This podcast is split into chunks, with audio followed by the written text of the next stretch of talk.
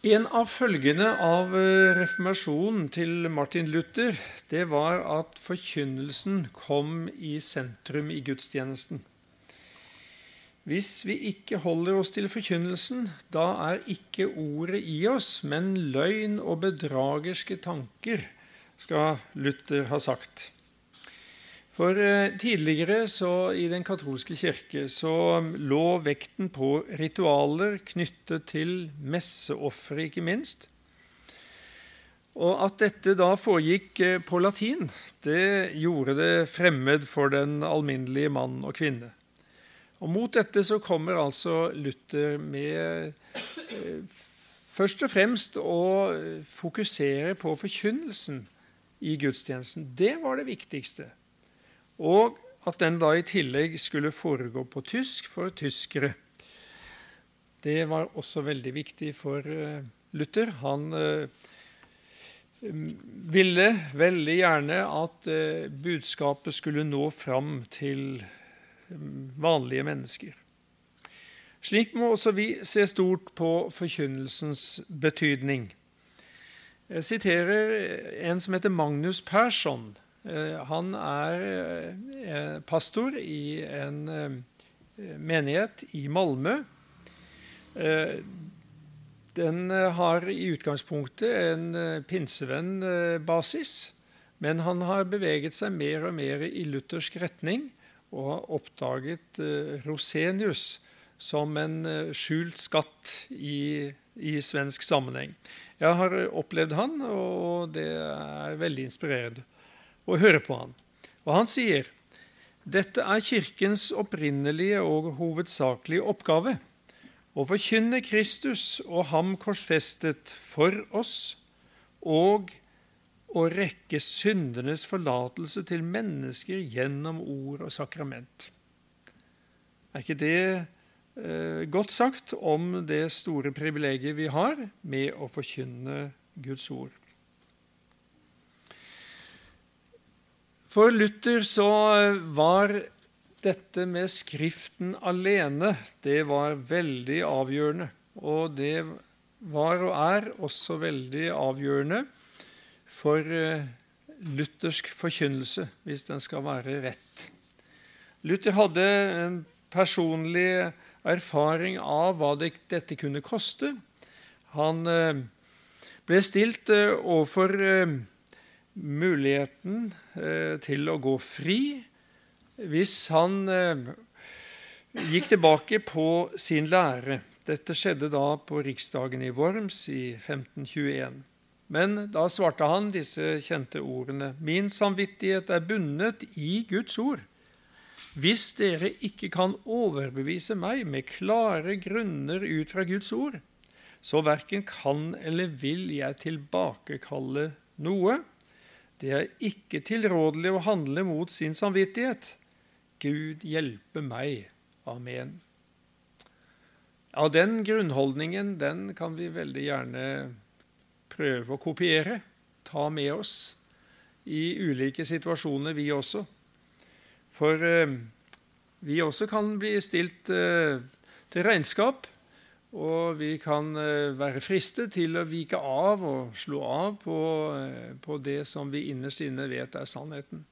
Men det må vi ikke la oss friste til.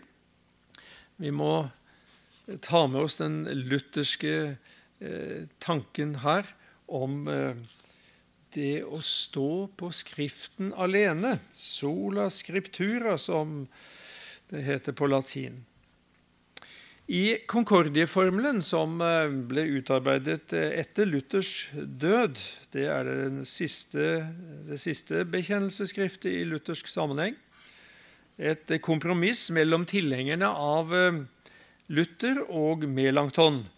Der eh, er det formulert på denne fine måten, syns jeg. Vi tror, lærer og bekjenner at den eneste regel og rettesnor som all lære og alle lærere skal prøves å dømmes etter, er de profetiske og apostoliske skrifter i Det gamle og Det nye testamentet. Og så henvises det til eh, Salme 119 og Galaterbrevet 1,8. Og det Da ville dere se, om vi slo opp det, at eh, det synet som Luther gir uttrykk for her, det stemmer helt med Bibelens syn på seg selv. For eh, der eh, lærer vi at Gud han har talt til sine tjenere, profetene i Det gamle testamentet og apostlene i Det nye testamentet. Derfor kan vi si at Hele Bibelen, både Det gamle og Det nye testamentet, er eh, innåndet av Gud, for å uh, uttrykke det slik. Uh, det er et ord som er brukt i 2. Timotius brev 3,16. Eller vi kan si det med et fremmedord. Det understreker at Bibelen er inspirert. Pustet inn. Gud har pustet inn sin ånd. Og Dermed så er eh, hele Bibelen det er Guds ufeilbarlige ord.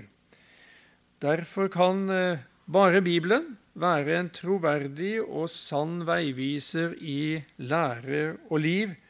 Og dermed kan også Bibelen være Guds tale til oss i dag ved Den hellige ånd, slik det står i 2. Tim 3, 16-17. Hele Skriften er innåndet av Gud og nyttig til lærdom, til overbevisning, til rettledning, til opptuktelse i rettferdighet, for at Guds menneske kan være fullkomment, satt i stand til all god gjerning. Er ikke dette innholdsmettet, så vet ikke jeg. Her er alt det vi trenger for å bli kristne og leve som kristne og tjene Herren til målet er nådd. Paulus eh, understreker det på den måten i, eh, litt senere i samme skrifte, i kapittel 4, vers 2. Forkynn ordet, eh, skriver han til sin gode venn og medarbeider Timotius. Og det vil jeg gjerne formidle til dere og hilse dere med også. Forkynn ordet. Altså Guds ord, det er vårt kall og vår oppgave. I katolsk eh, lære så var det ikke Skriften alene, og det er det faktisk ikke eh, nå heller. Eh, for her har jeg hentet et utdrag fra et kompendium fra 2005, så det er ikke så all verdens gammelt. Og Det er et kompendium av eh, Den katolske kirkes katekisme av 1992. Og Der eh, står det eh, at den apostoliske tradisjon forekommer på to måter. Gjennom den levende overlevering av Guds ord, også kalt, enkelt kalt tradisjonen, og gjennom Den hellige skrift, som er den samme forkynnelse av frelsen i skriftlig form. Legger dere merke til eh, rekkefølgen her? For vi er vant til å tenke i katolsk sammenheng lærer de Skriften og tradisjonen. Men sjøl så presenterer de det annerledes. Og det er vel å merke seg. Det er tradisjonen og Skriften.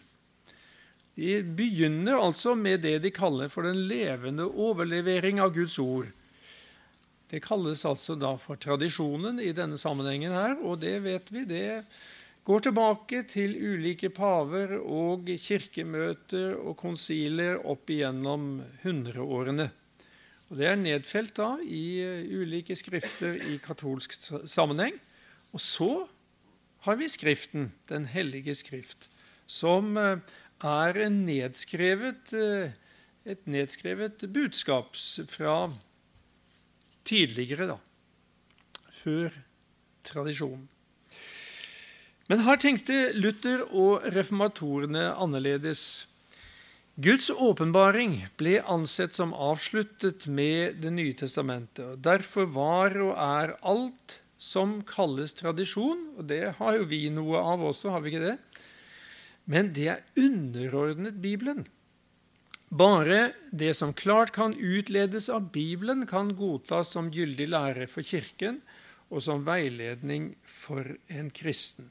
Slik heter det i luthersk sammenheng. Her eh, syns jeg det er på sin plass å minne om at det også i dag er menigheter som søker Guds veiledning i andre kilder enn Bibelen. De eh, er åpne for at Gud kan tale til dem uavhengig av bibelordet. Og så tar de utgangspunkt i det, enten det er et profetisk budskap, som de kan kalle det, eller et bilde. Ikke så det er Av og til en hører om det. Eh, og så er det det som blir utgangspunktet for prekenen. Eh, og nå jeg, tenker ikke jeg på det vi kaller illustrasjoner eller bilder på den måten, men det er et eller annet de mener Gud har talt til dem, og så tar de utgangspunkt i det i sin preken. Men Luther han eh, stolte ikke på den slags. Det er Skriften alene som skal stille opp eh, trossetninger, og ellers ingen, ikke engang en engel. Ja, det, vi kan jo prøve oss på det, om uh, hva vi ville gjort hvis det sto en engel her og kom med sitt budskap. Nei, det ville han ikke høre på. Det var Skriften, det var Bibelen alene. Det var det som var kilden til all lære og undervisning og forkynnelse. Derfor så tar eh, luthersk forkynnelse utgangspunkt i Skriften alene. Det er det eneste fundamentet som kan gi en trygg og klar veiledning om frelse og evig liv. Carl Fredrik Wisløff uh, sier det på denne måten Det finnes ingen kristelig forkynnelse som ikke er skriftforkynnelse.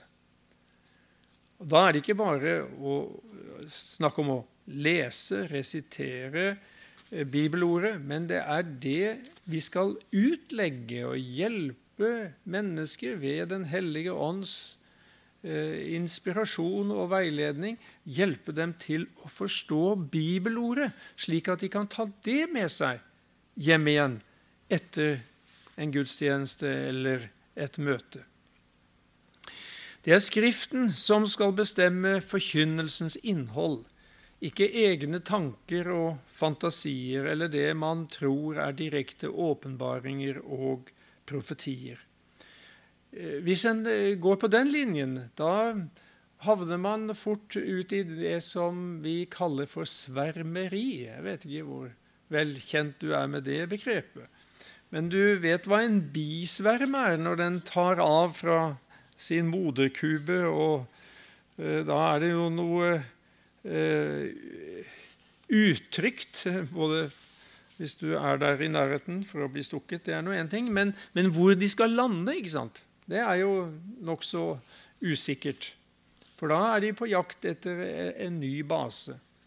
Så det, det, å sverme, det er å miste kontakten med eh, det trygge, det faste, og eh, eh, være på vandring mot noe, noe tilfeldig og usikkert.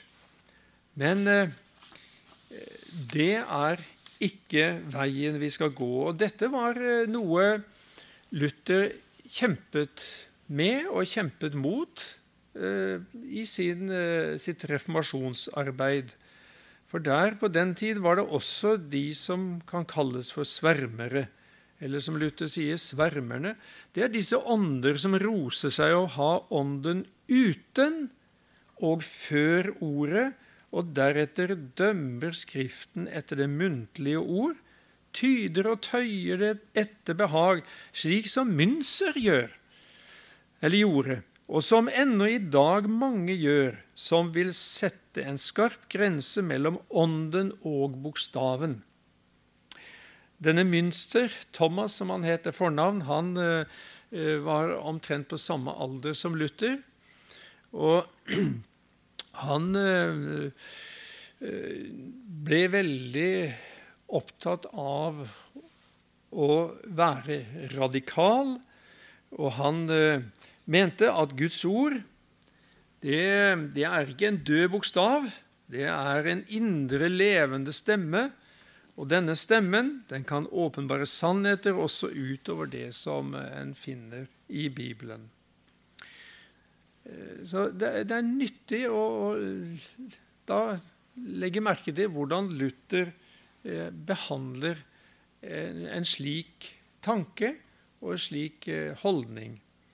For eh, dette med svermeri det har vært aktuelt eh, i større eller mindre grad til alle tider.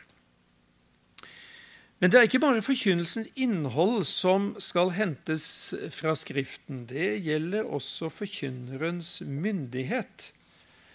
Jesus sa det til disiplene sine, og faktisk så gjelder det videre til alle sanne forkynnere av Guds ord. Den som hører dere, hører meg. Ja, Våger du å stige opp på talerstolen eller på andre måter vitne for Herren, og så ha den bevisstheten? Det jeg nå forkynner, det er ikke mine ord. Jeg har hentet dem fra Bibelen. Det er Bibelen jeg legger ut, og jeg stadfester det som står der. Og da sier Jesus, 'Den som hører dere, hører meg.' Slik skal vi forkynne, og vi skal få gjøre det med stor frimodighet.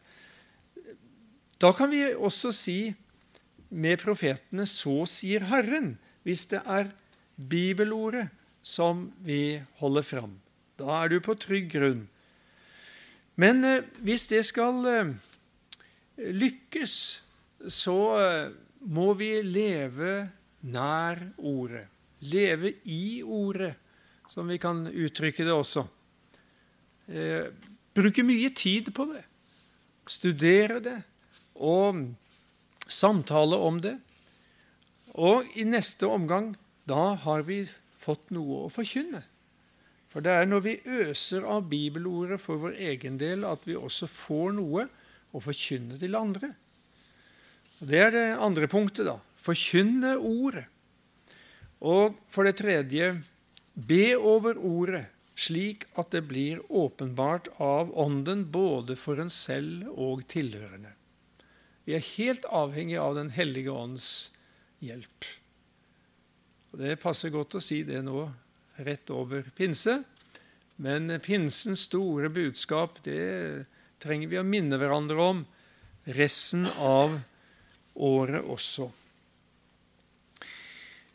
Jeg har aldri eh, møtt uh, han sjøl, men jeg har bare hørt om han. Og det uh, er andre her også som kjenner til navnet Oskar Nordbø. Jeg kjenner en Oskar Nordbø. Han er barnebarnet til gamle Oskar, for å si det sånn. Jeg hadde han som elev på Fjelltun. Han er unge, altså.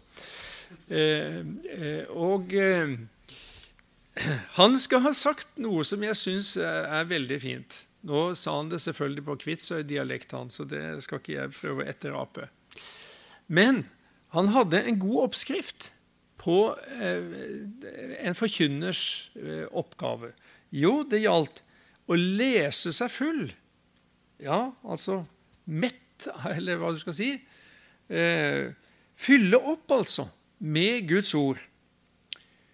Og så nummer to tenke seg klar. Og så vi skal ikke bare liksom tenke at det, det kommer av seg sjøl dettende ned i, i, munnen vår med en gang vi stiller oss opp på en talerstol. Eh, det er sikkert mer enn en her av oss som har opplevd at det, av og til kan det bli veldig stengt og vanskelig. og ja, Da er det godt å ha tenkt litt igjennom eh, det en ønsker å si før en står der. Og så det tredje be seg varm. Ja, fordi at det, å forkynne, det er, det er, Guds arbeid, det er Guds tjeneste du står i. Og Derfor så må du være frimodig med å kalle på Hans navn og be om at Han må åpenbare ordet for deg og gjennom deg. Og så det fjerde, som jeg syns er også veldig fint, og som nok er et spesielt karaktertrekk med lekmannsbevegelsen, men det, det syns jeg gjelder alle forkynnere uansett bakgrunn. Det er å slippe seg løs. Ja, slippe seg løs. Prøve å være litt, litt eh, naturlig, folkelig og, og, personlig, slik at en eh, ikke bare står og doserer, selv om det egentlig kan være vel og bra, det som blir sagt. Men det er viktig at uh, tilhørende opplever at uh, det er en som lever i ordet, og som har fått noe fra Gud som han, som han og hun gjerne vil bringe videre til andre. Vi tar med ett punkt til før uh, vi tar en pause. Og det er forkynnelse av rettferdiggjørelse ved tro alene. Det er et karaktertrekk ved luthersk forkynnelse. Luther han eh, sier det en plass artikkelen om rettferdiggjørelsen er mester og fyrste over all annen slags lære, og den hersker over all samvittighet og over Kirken. Uten den er verden bare tomhet og mørke. Dette hadde Luther selv erfart. Eh, han kjempet for å forstå dette begrepet Guds rettferdighet. For han eh, tenkte mer i retning av at det er snakk om Guds dømmende rettferdighet. Vi mennesker kan jo være beinharde av og til når det gjelder rettferdighetssans. Det skal være helt likt, ikke sant? Du ser det jo veldig tydelig på barna, men vi, vi, er ikke så langt unna, vi voksne heller, men vi skjuler det kanskje litt bedre. Men eh, når han da leste romerbrevet og kom til begrepet Guds rettferdighet der, så, så fant han ikke den trøsten som eh, forhåpentligvis du og jeg har funnet. For han opplevde det at det hadde med at Gud krevde noe av han. En standard som han skulle leve opp til. Og det er jo slik eh, mange steder i Guds ord at eh, det er eh, Guds dømmende rettferdighet som kan komme til uttrykk gjennom dette begrepet, slik som i Jesaja 5, vers 16. Eh, der har vi dette uttrykket Men høy blir Herren herskarenes Gud ved dommen, og Den hellige ånd viser, nei, hellige Gud viser seg hellig ved rettferdighet. Og Dere som eh, ser dette her på skjermen, så vil dere se at eh, de to første leddene der de står i et parallelt forhold til hverandre. Og det gjør da de to siste, eh, slik at ved dommen og ved rettferdighet blir synonyme uttrykk. Og Da eh, kan du godt skjønne at eh, Luther ble redd og engstelig. Det har vi også grunn til da. Men verken han eller vi trenger å være redd for evangeliet, som kommer til uttrykk gjennom Guds rettferdighet, som et annet ord for Guds frelse. Og Det er jo det som er budskapet i Rombrevet 1, 16 17. For jeg skammer meg ikke ved evangeliet, for det er en Guds kraft til frelse for hver den som tror, både for jøde først og så for greker. For i det åpenbares Guds rettferdighet av tro til tro. Guds rettferdighet av tro til tro. Altså det er dette budskapet om Guds rettferdighet, eh, til, altså Guds gjerning til frelse for oss. Det er det som kan skape troen i oss, slik at vi kan leve. Plutselig så fikk eh, Luther nytt lys over dette. Han sier sjøl da begynte jeg å forstå Guds rettferdighet som den rettferdighet det rettferdige mennesket lever av, som en Guds gave nemlig av troen, og at dette altså var meningen. Ved evangeliet åpenbares Guds rettferdighet, altså den passive, hvorved den barmhjertige Gud rettferdiggjør oss ved troen. Som skrevet står det, mennesket som er rettferdig ved troen, skal leve.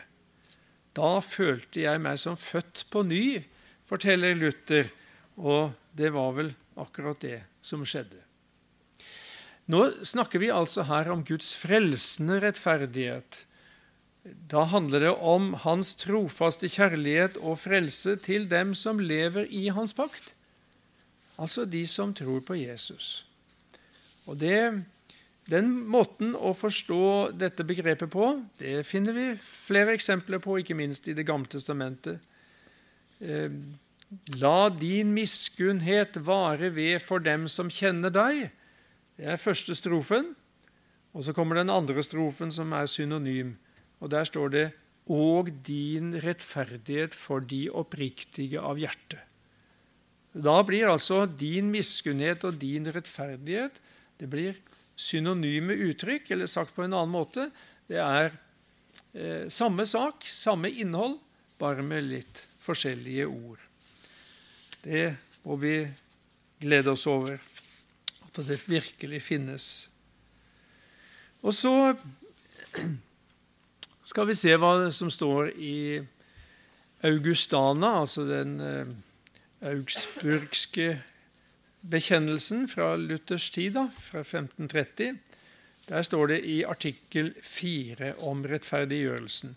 Likeens lærer de at menneskene ikke kan bli rettferdiggjort overfor Gud ved egne krefter, fortjenester eller gjerninger, men at de blir rettferdiggjort uten vederlag for Kristi skyld ved troen, når de tror at de blir tatt i nåde, og at syndene blir forlatt for Kristi skyld, Han som ved sin død har gjort fyldes for våre synder.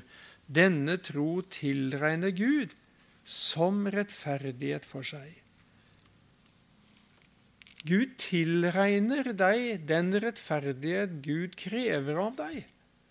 Det er hemmeligheten. I den katolske kirke så er det andre toner, for der er rettferdiggjørelsen eh, et uttrykk for at synderen, at Gud gjør synderen rettferdig og hellig i sitt vesen. Og Dette skjer ved Den hellige ånds nåde, som gjennom Kristi lidelse ble oss fortjent. Det høres jo fint ut at vi har fått Guds nåde. Men det det handler om, det er at nåden setter oss i, i stand til å leve etter Guds vilje. Så med rettferdiggjørelsen begynner menneskets frie svar, heter det i den sammenhengen. Det vil si troen på Kristus og samarbeidet med Den hellige ånds nåde. Så slik lærte den katolske kirke på Luthers tid, og det er i, i hovedsak eh, det samme i dag. Og da blir rettferdiggjørelsen det blir noe som skjer i oss. Så dette minner mer om helliggjørelsen, som vi skal komme inn på helt på slutten.